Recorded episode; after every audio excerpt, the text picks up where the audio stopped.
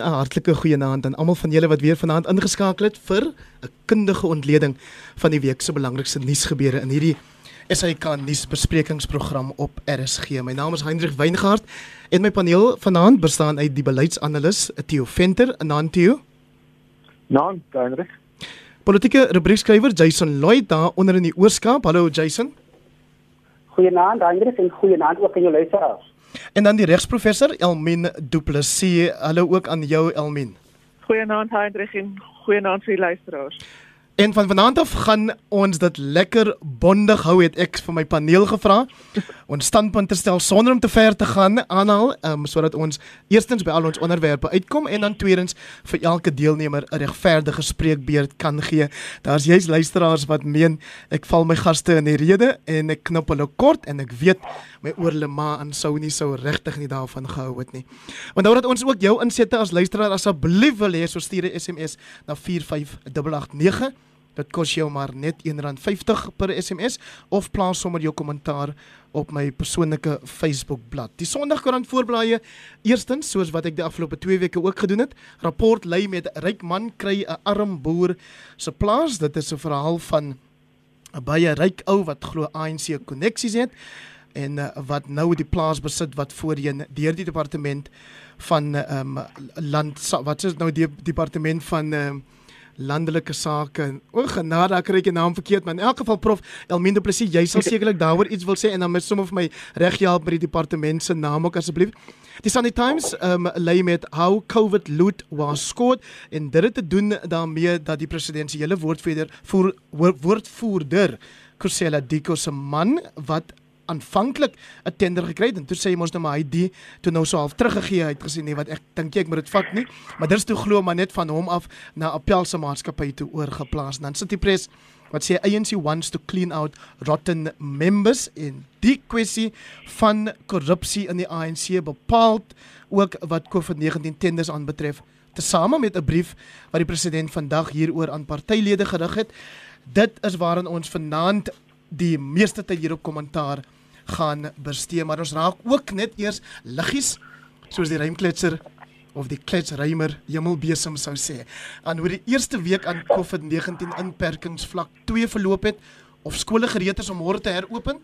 Die Black Lives Matter omstredenheid in sportgeleedere, geleedere en dan die Amerikaanse presidentsverkiesingsveld. Kan ek met jou begin Theo Venter dat jy net eers vir ons jou indrukke gee oor hoe die land hierdie eerste week van Grendelstaat vlak 2 gehanteer het, ontvang het, ervaar het. Ek het vanmiddag hier in Melville opgery in die straat en dit het gelyk asof Kersfees hierdie jaar in Augustus gekom het. ek weet nie hoe dinge rapports op stroom lyk nie. Nee, ek kyk behalwe vir die studente wat nog uh, skitter in hulle afwesigheid is um, het voel dit vir my soos Grendel vlak 0. Ehm um, nie eers een nie. Um, ek dink mense het um, soos wat die ekonomie nou oopgemaak het en sigarette beskikbaar is en drank vrylik beskikbaar is ten minste tot donderdag toe het um, het lewens redelik um, normaal um, begin verloop.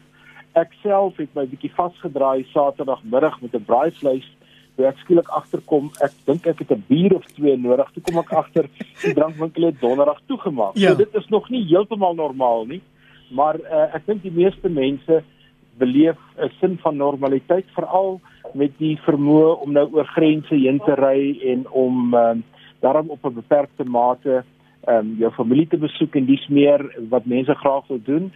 Die heel belangrikste vir my is dat die onus is nou op individue. Dit is nou jou besigheid om jou masker te dra. Dis jou besigheid om sosiale afstand te handhaaf, maar 'n klomp van die ander faktore dink ek het 'n eh, tot 'n groot mate deel geword nou van ons normale bestaan. Ja.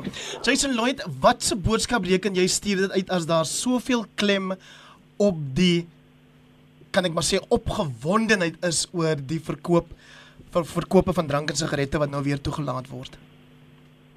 Dankie Hendrik. Ek moet sê, ehm um, wat dit vir my, wat my nogal opgeval het is dat mense wil weer 'n bietjie normaal in hulle lewe teruggehet het en ehm um, en nou ons normale vryhede wat ongeveer vir 5 maande opgeskort.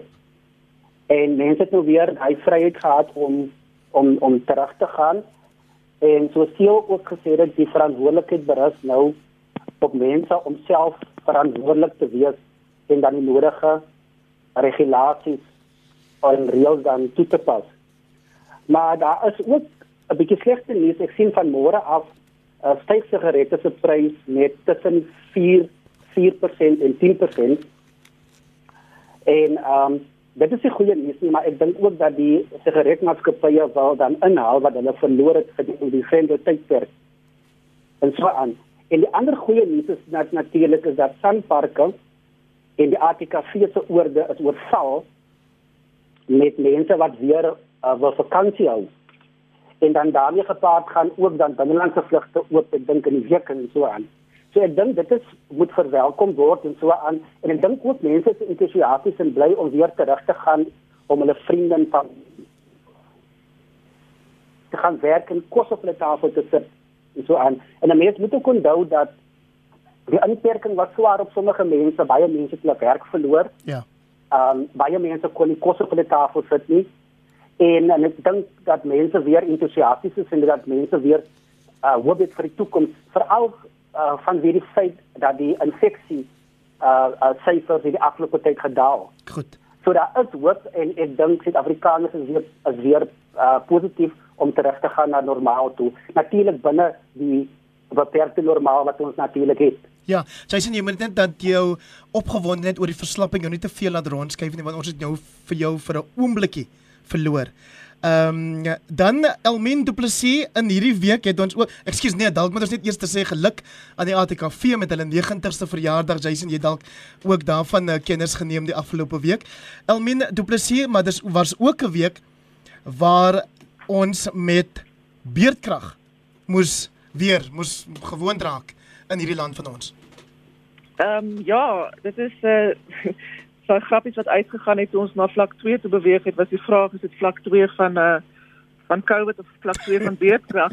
Ehm um, soos ja. ek het verstaan gaan die beerdkrag probleem maar nog 'n hele ruk met ons wees en ek weet nie daai uh, insiggewende stuk van ehm um, JP Malan hierdie week wat so gesê het weer ons besig om skoon gemaak te word en opgeruim te word of ons ook maar 'n langtermyn weet moet verwag dat op die langtermyn van daai probleme opgelos kan word. Net ek moet sê die beerdkrag is die een ding wat wat my totaal onderkry want dit lyk nie asof daar 'n oplossing is nie. So ehm um, ja, ek ek, ek ek ek mens voel so al van wat kan mens sê want mense het nou al so baie gesê en en dinge beweeg net nie daar nie.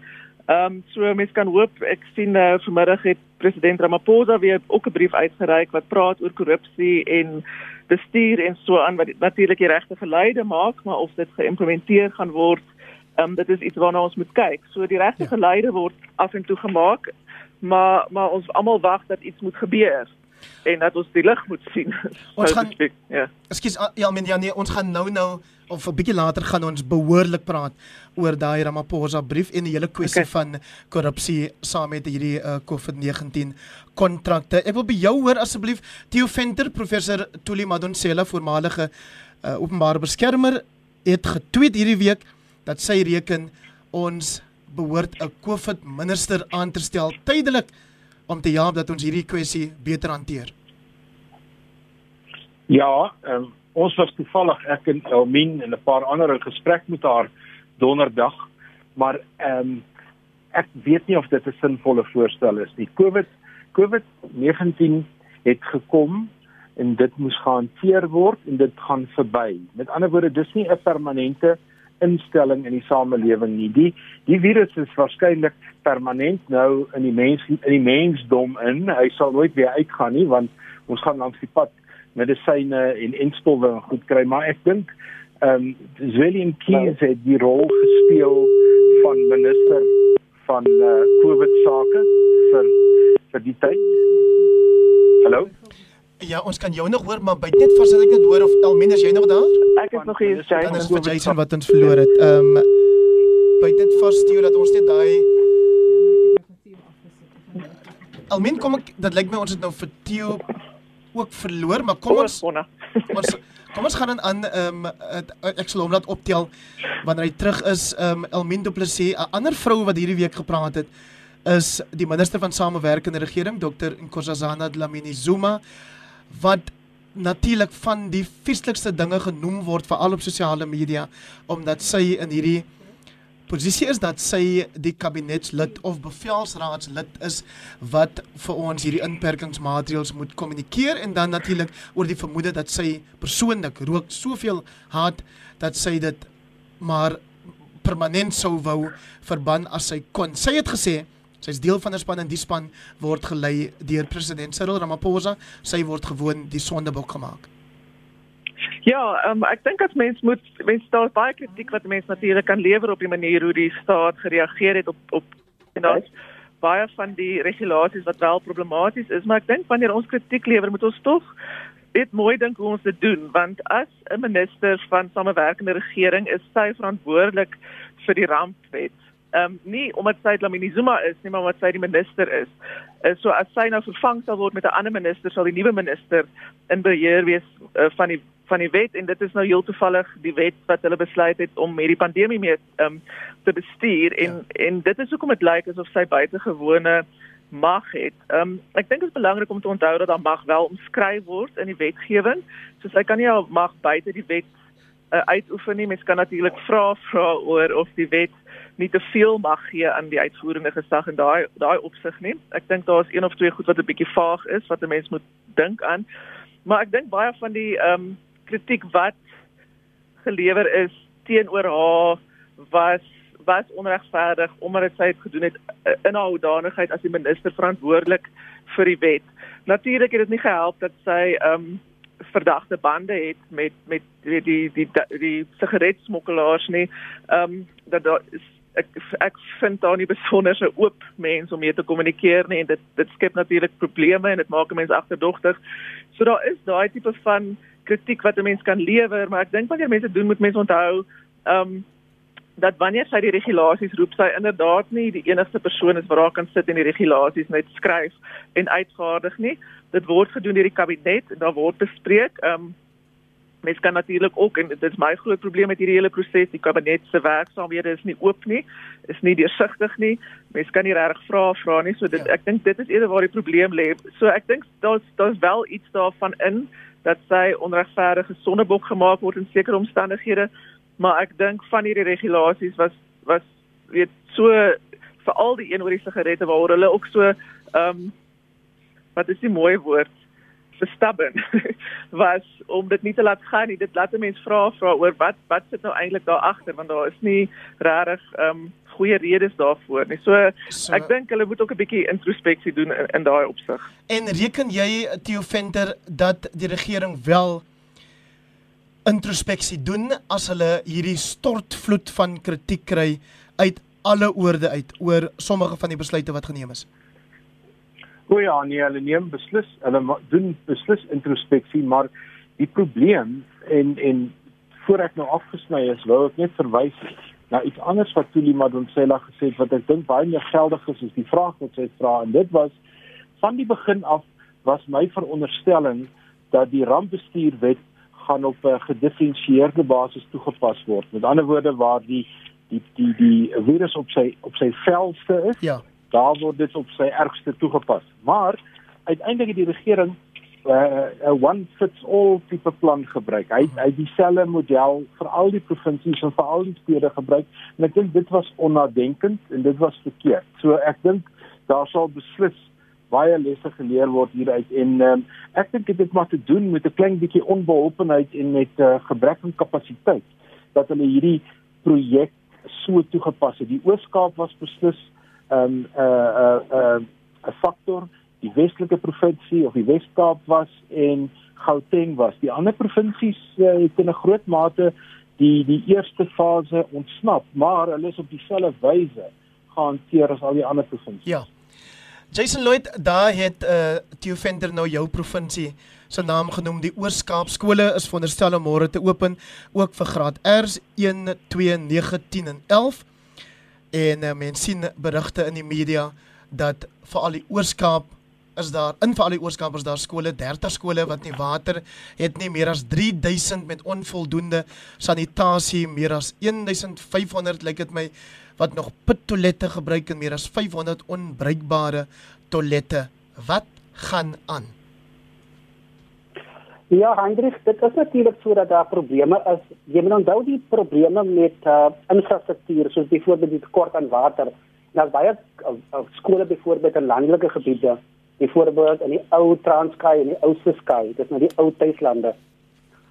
Ehm, um, as daar skole sonder water en natuurlik skole sonder sanitasiegeriewe.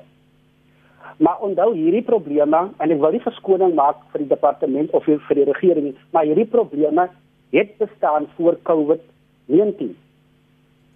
Uh, maar die ander probleem wat nou opgeduik het gedurende die week dink ek dat dat dat dat, dat wel beskermende uh, uh kon ek klere drag opgedag by, by skole, maar baie van daai uh beskermende drag se gehalte is baie swak. Byvoorbeeld die alkoholvlakke is byvoorbeeld in sanitasie uh dit is baie laag. Ek dink dit is so dit met ongeveer 70% wees. So daar is daar's 'n probleem en natuurlik die departement het nou uh, ander verskoning uitgedink die uh, uh, die afgelope week waar hulle gesê het hulle gaan hierdie gereedskap aflei op die dag wanneer die skole open omdat hulle bang is dat van hierdie toerusting gesteel gaan word. Ja.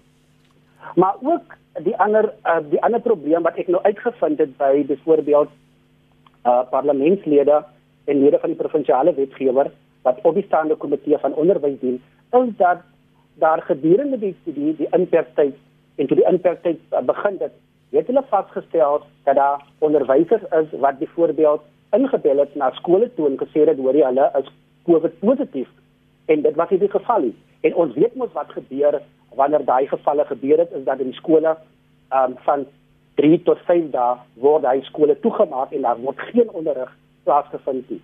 En dan die ander die ander verskoning wat ook opdek is dat mense byvoorbeeld die gebrek aan beskermende drag gebruik om nie skole oop te maak of om nie skool toe te gaan. So ek sou graag wou hoor van die departement, hoe gaan hy daai ehm um, issues bestuur? Van gaan ons nou weer 'n situasie hê waar skole waar 'n onderwyser of 'n leerling of twee positief getoets word en dan skole weer vir 'n onbepaalde tyd of 5 dae of wat ook al of 'n week um, gesluit uh, ge gaan word. Ja. So as dit die geval is, dan moet 'n mens maar dan nou sê, ek bedoel die die skooljaar is amper op sy einde. En hoeveel hoeveel dae het ons nou uh, verloor in daai situasie byvoorbeeld um, weer koppies steek. En daai daai voorvalle is nie beperk tot die Ooskaap, dit is landwyd. As jy pas ingeskakel het hier op RSG vanaand, jy luister na kommentaar die SAK nuusbesprekingsprogram wat jy elke Sondag aand tussen 8 en 20 van 9 hier op 100 tot 104 FM na kan luister. My paneel vanaand Jason Lloyd, politieke rubriekskrywer daar uit die Oos-Kaap uit, Theo Venter wat eintlik geen bekendstelling nodig het op ons program nie en dan uh, professor Elmine Du Plessis, regsprofessor by die Noordwes Universiteit en ons praat oor die groot stories van die afgelope week. Kom ek um, gaan maak dan 'n draai Elmin as jy nie ehm um, sal omgee om vir ons die sogenaamde BLM BLM of Black Lives Matter omstredenheid in rugby en cricket hier in ons land ehm um, eerstens aan te roer. Dit het begin met Suid-Afrikaanse rugby spelers wat in Engeland speel en uh, voor 'n wedstryd wel hulle rasisme rugby teen rasisme teemde gedra het maar nie bereid was om ook die sogenaamde BLM kniel te doen nie. Wat is jou reaksie daarop? Ehm um, wel ek dink mens moet eers mooi bespreek en dis 'n langer bespreking wat ek nie nou sal doen nie. En ons en dan sê kan ek net gou vir jou sê uh, ekskuus um, Elmin, ons het darm al voorheen gepraat oor hierdie kwessie op die program so ek wil net weet wat is julle reaksie op die nuutste verwikkelinge? Ja, wel ek dink persoonlik dink ek dit is verkeerd om mense te dwing om enigiets te doen. As mense nie wil kniel nie, dan behoort hulle nie gedwing te word om te kniel nie. Dan behoort ook nie sulke sanksies ehm um, uit uitgereik te word teen of weet gedreig te word dat daar sanksies gaan wees nie. Daar's in elk geval geen regsgronde vir so iets nie.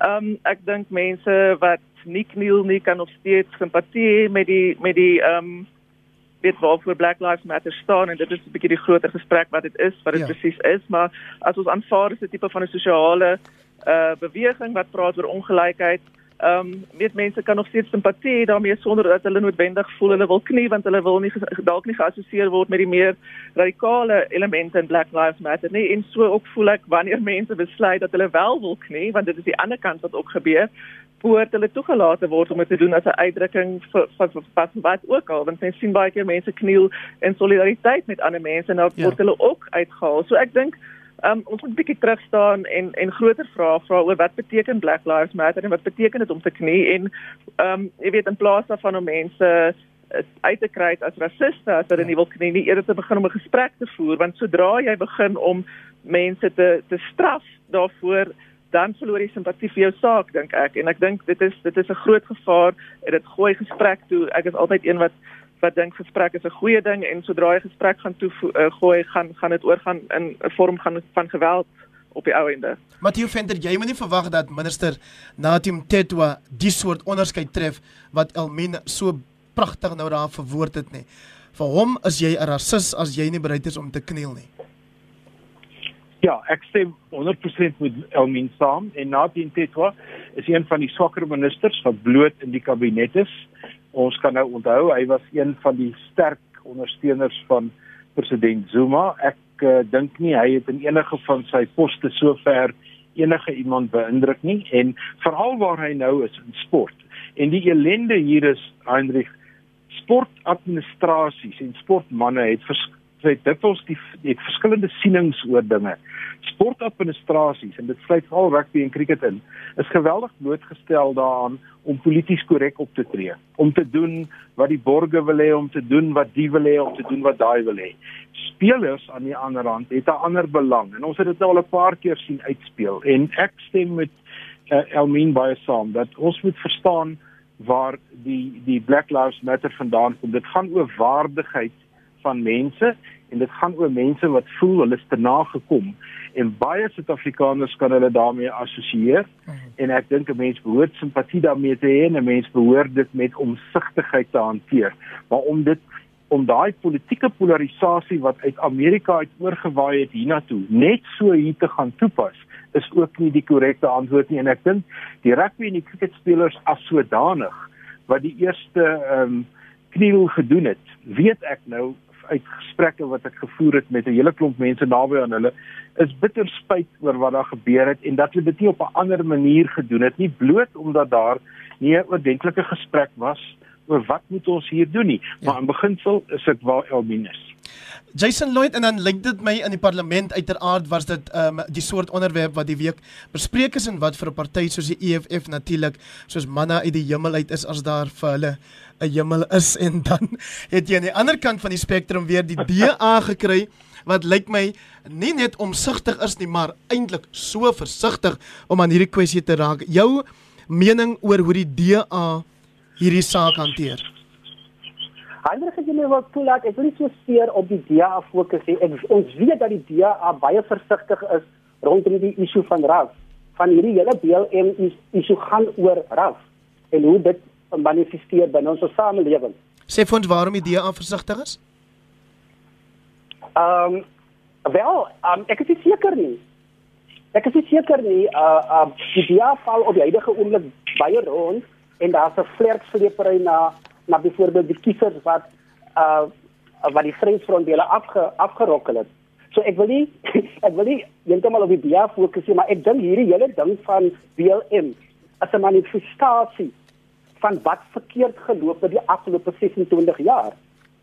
En as 'n direkte verband tussen die ANC se mislukte makro-ekonomiese filosofie en die feit dat die ANC nie daarin slaag om sosiaal-ekonomiese ongelykheid uit te wis nie. So dit is die dit is die probleem en as jy gaan kyk op sosiale media, daar's 'n duidelike opbloei van rassistiese neigings tussen wit en swart mense.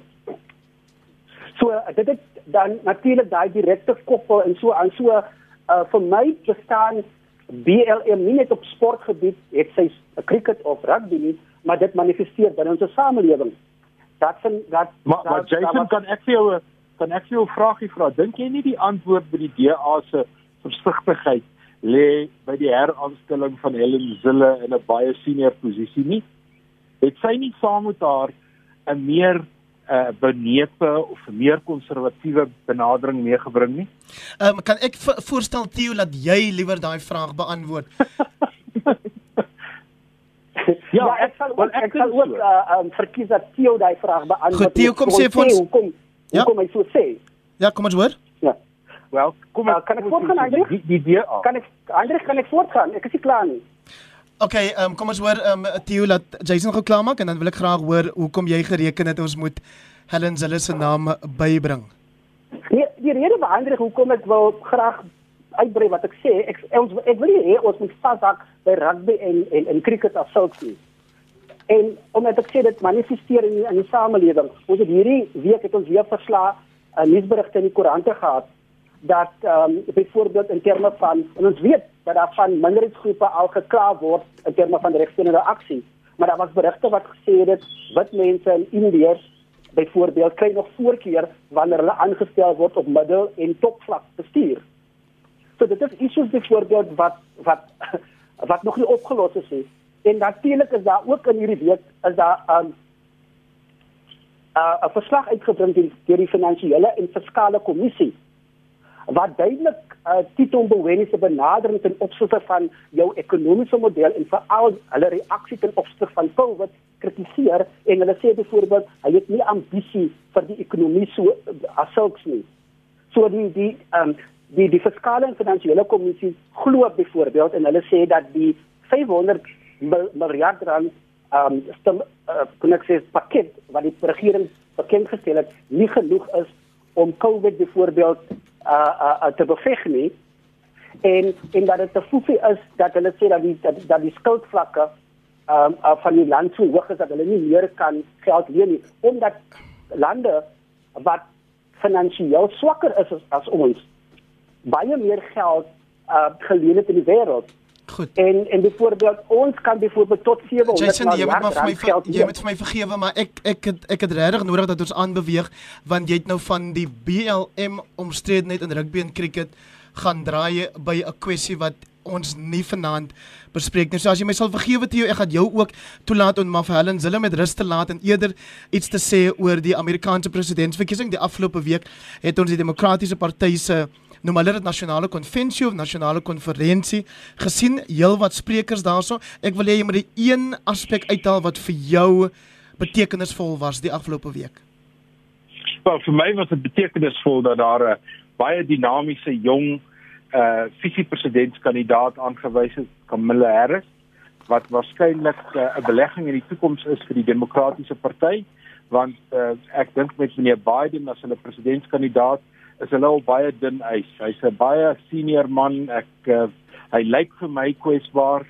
Ehm um, en maar uh, die die groot storie is eintlik dit was 'n konvensie waar die Amerikaners gevra het of die demokratiese party ten minste om terug te gryp na wat werklik Amerikaans is en eintlik is die subtekst Donald Trump. Ons is teen Donald Trump. So die wese van die van die uh, Amerikaanse presidentsverkiesing wat nou eintlik in alle erns begin want hierdie week is dit Donald Trump se beurt om om die TV-kanale uh, oor te neem vir 3 of 4 dae en dan begin die gevegte in alle erns. Met ander woorde TV-debatte, TV-gesprekke, maar my my belangrikste punt is Kamala Harris, 'n vrou van 55 jaar oud, ehm um, wat ehm um, uh, wat ek dink as iets met Biden sou gebeur, onmiddellik in sy plek kan waarneem en wat 'n belegging is vir die demokrate indien hulle nie hierdie verkiesing wen in November nie oor 4 jaar is sy net eenvoudig reg om oor te neem. Elmin du Plessis Doris Kearns Goodwin wat 'n presidensiële historikus sê as 'n konvensie nie tot aksie lei nie mense beweeg byvoorbeeld om te gaan stem nie dan kan dit nie as 'n suksesvolle konvensie of konferensie beskou word nie wat sê jy? Ja, kyk, ek het self so 'n bietjie eh, rondgelees en gekyk en en alhoewel weet baie mense gesê Biden se toespraak was goed geweest, het dit baie gelyk het hy net so wenslys gegee het van wat hy gedoen wil hê, maar bitter min gesê oor hoe hy dit gaan doen. En ek dink ehm um, demokraties gesproke is jou middelklas baie belangrik en en as Biden nie die middelklas gaan kan oortuig dat die idees wat hulle het, daai wenslys wat hy gegee het, doenbaar is en hoe hulle dit gaan doen, ek dink ek dan gaan daar probleme wees Maar ek dink wat vir my baie interessant gaan wees om net gesprek so klein bietjie te draai is die vraag oor hoe gestem gaan word want daar's baie ehm um, weet vra nou rondom die die stemmery oor die pos en of die stemmery oor die pos nie die verkiesing gaan draai nie want baie mense gaan nou eerder oor die pos stem en ehm um, soos wat ons weet in Amerika is die posdienste word deur privaat mense beheer en en dit lyk my is grootendeels in die hand van mense wat republikeins gesind is en daar is sprake dat as daai ehm um, stemmery oor die pos ehm um, nie in Trump se guns gaan wees nie dat hy hy dit gaan aanvat of of daarmee gaan inmeng en ek dink dit is iets wat ehm um, vir my nogal weet van 'n van 'n demokratiese oogpunt iets interessant is om na te kyk. Ja, Jason Lloyd so die stemmery per pos of deur die pos is natuurlik 'n kwessie wat meegebring is veral nou deur die COVID-19 pandemie in Nieu-Seeland sien ons ook dat hulle daar besluit dat die verkiesing word met 4 maande uitgestel. Hier by ons wil hulle natuurlik ook hê 'n paar ou paar partye dat die verkiesing uitgestel word, weliswaar nie oor COVID-19 nie, maar om ander redes waaroor ons op 'n ander dag kan praat. Ehm um, wat wat het COVID-19 gedoen aan die stand van demokrasie as jy dink in terme van hierdie onsekerheid oor stemmery en verkiesings? Anders ek moet sê ek het jou nie ek het, ek kon nie jou vraag mooi uh, hoor nie van daar so onderbrekings. Ek vra wat het COVID-19 die pandemie gedoen aan die stand van ons demokrasie die wêreld oor as jy in ag neem dat daar nou al hierdie verwikkelinge is met oproepe dat verkiesings byvoorbeeld uitgestel word of dat daar soos in Amerika ehm um, tot 80 miljoen mense dalk ehm um, deur die pos kan stem ongewoon in die verlede.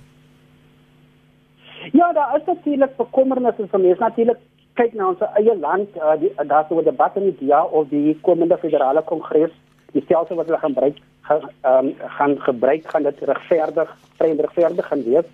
So in die geval van in Amerika, dink ek tog dit is dit regverdig dat mense hierdie vraag vra van dit 'n ongewone ding wat ons nie gehad het nie en ons gaan nou hier in in 'n in 'n in 'n nuwe 'n nuwe normaal waar mense natuurlik onseker is Ehm um, maar ons weet natuurlik ook dat mense gesê het in die afgelope week dat indien mense indien mense soos normaal gaan stem, gaan ehm um, Donald Trump 'n uh, uh, uh, baie voordeel daar uittrek omdat sy mense geneig is byvoorbeeld om uit te kom en te gaan stem. So dit kan dit uh, ons weet nog nie watter watter stelsel hulle gaan gebruik hier uh, in Amerika, maar dit as hulle byvoorbeeld die gewone konvensionele manier gebruik van stem kan dit byvoorbeeld vir hom bevoordeel en so aan. Wat dink jy doen Ja, wat dink jy doen hierdie kwessie aan die stand van die demokrasie? Is dit goed of sleg? Ek dink ek dink ek dink dit is goed die aan die sin dat dat ons tot al ander ander alternatiewe dwing om om sekere dinge te doen. Um en um ons sal sien hoe gaan dit uitloop. So uh, So ek dink ehm um, ja, ek dink dit is goed in die algemeen. Baie dankie Theo Venter. Hier is 'n SMS van Shanay van Durban wat sê: "Uh goeienaand Hendrik en gaste, ek wil graag julle kommentaar hoor oor president Ramaphosa se nuusbrief vanmiddag waarin hy aandui dat die korrupsie van fondse die skuld is van apartheid. Hy het wel gesê Shanay dat korrupsie het 'n lang aanloop. Hy het nie gesê die korrupsie wat ons vandag sien moet op apartheid geblameer word nie. Maar kom ons hoor wat sê Theo Venter um, in jou reaksie op hierdie brief vandag. Ja, sy is korrek. In die sewe bladsye wat hy geskryf het, dis 'n lang brief. Ehm um, is daar een paragraaf. Lyk my waar Ek het 'n bietjie Theo, ekskuus, ekskuus, ons het jou ons het jou verloor. Jy het gesê daar was een paragraaf? Ja, een paragraaf uit sewe bladsye. Weet hy verwys na apartheid en die misdade van die verlede. Dit is ehm um, dit is al, maar die belangrikste van hierdie brief. Ek het 'n bietjie teruggegaan in die geskiedenis, Heinrich, nog net een keer sedert 1994 het die ANC leier um 'n brief aan ANC-lede geskryf waarin hy 'n aanspraak maak op hulle individuele samewerking met betrekking tot 'n saak. En daardie brief is deur 'n wetjie geskryf in die tyd toe hy van Jacob Zuma ontslaag geraak het. Dis die vorige keer wat daar so 'n brief geskryf is. So hier is my interpretasie van wat hier besig is om te gebeur.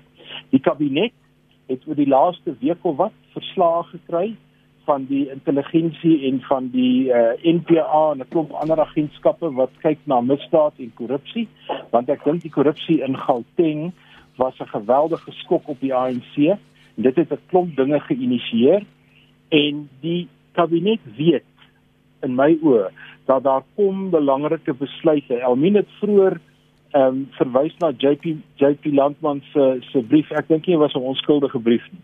Ehm um, hulle weet daar kom iets. En hierdie is 'n voorbereiding vir die ANC, want die brief is aan die ANC gerig, was te gelyk ook aan die res van Suid-Afrika gerig om te sê ons gaan nou optree. So ek dink hier kom hier kom 'n ding. Uh, en ek dink hierdie ding gaan waarskynlik groter wees as wat ons dink en ek dink daar's 'n klomp ouens in die ANC op hierdie stadium wat bekommerd is. Elmien du presies jou indrukke oor die feit dat die president vandag geklink het asof hy baie sterk uitpraat teen korrupsie binne die ANC en spesifiek ANC-lede hieroor aangespreek het. Is hierdie 'n keerpunt?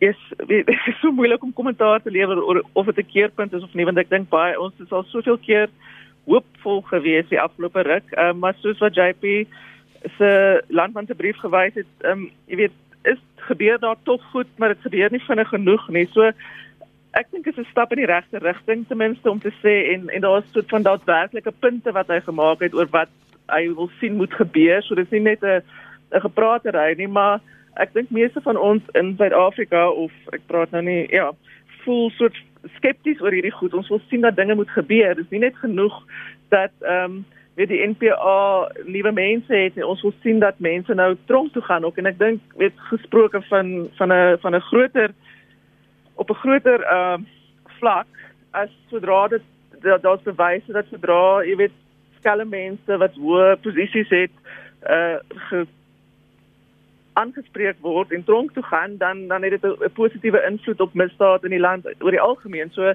ek dink ehm um, weet van daai oogpunt dink ek regtig dis nou 'n bietjie tyd dat daar van die mense is wat voor die hof gedaag word en hopelik skuldig gevind word bevind word ook. Maar tot dan sal ek eh uh, versigtig optimisties wees oor vandag se brief. Jason Lloyd, jou indrukke want ons het nou maar minder as 2 minute van die program oor vanaand. Ehm um, dink jy wel die president het die week natuurlik ook onderskoot gekom van iemand soos Dr Teens Elof en Tim Du Plessis in rapport vandag en RW Johnson ook vandag in rapport. Ehm um, en hulle voel min of meer dat hy het geen beheer oor wat tans gebeur nie. Maak hierdie brief dan enige verskil? Ja, ek dink die president voel die druk van die breë publiek en ek dink dit is 'n desperate poging om 'n alternatiewe stem daar te uh um, alternatiewe ANC stem daar uit te kry. Um 'n stem wat wat wat natuurlik uh, voeling is met die mense. En dit is ook natuurlik vir my baie opvallend dat hy die dat die dat hy die brief op 'n ANC briefhoof uh geskryf het wat sê office of the president. En ons weet natuurlik dat daar nie 'n uh, kantoor van die ANC uh president in die toelies is nie. Maar dit is ook 'n manier van om te sê, hoorie, maar ek is in beheer en ek luister wat julle sê en ek gaan probeer om dinge reg te maak. Nou maar kom ek sê baie dankie vir jou deelname vanaand Jason Lloyd, politieke rubriekskrywer van die Ooskaap. Theo Venter, altyd 'n plesier om jou op die program te hê en ek sien ook daar is luisteraars wat natuurlik gereageer het en gesê dat hulle is bly dat jou stem gehoor word. Elmien du Plessis, ek waardeer dit ook dat jy vanaand deelgeneem het um, aan die program. My naam is Hendrik Weingart en was uh, weer 'n wonderlike voorreg om jou vanaand geselskap te hou.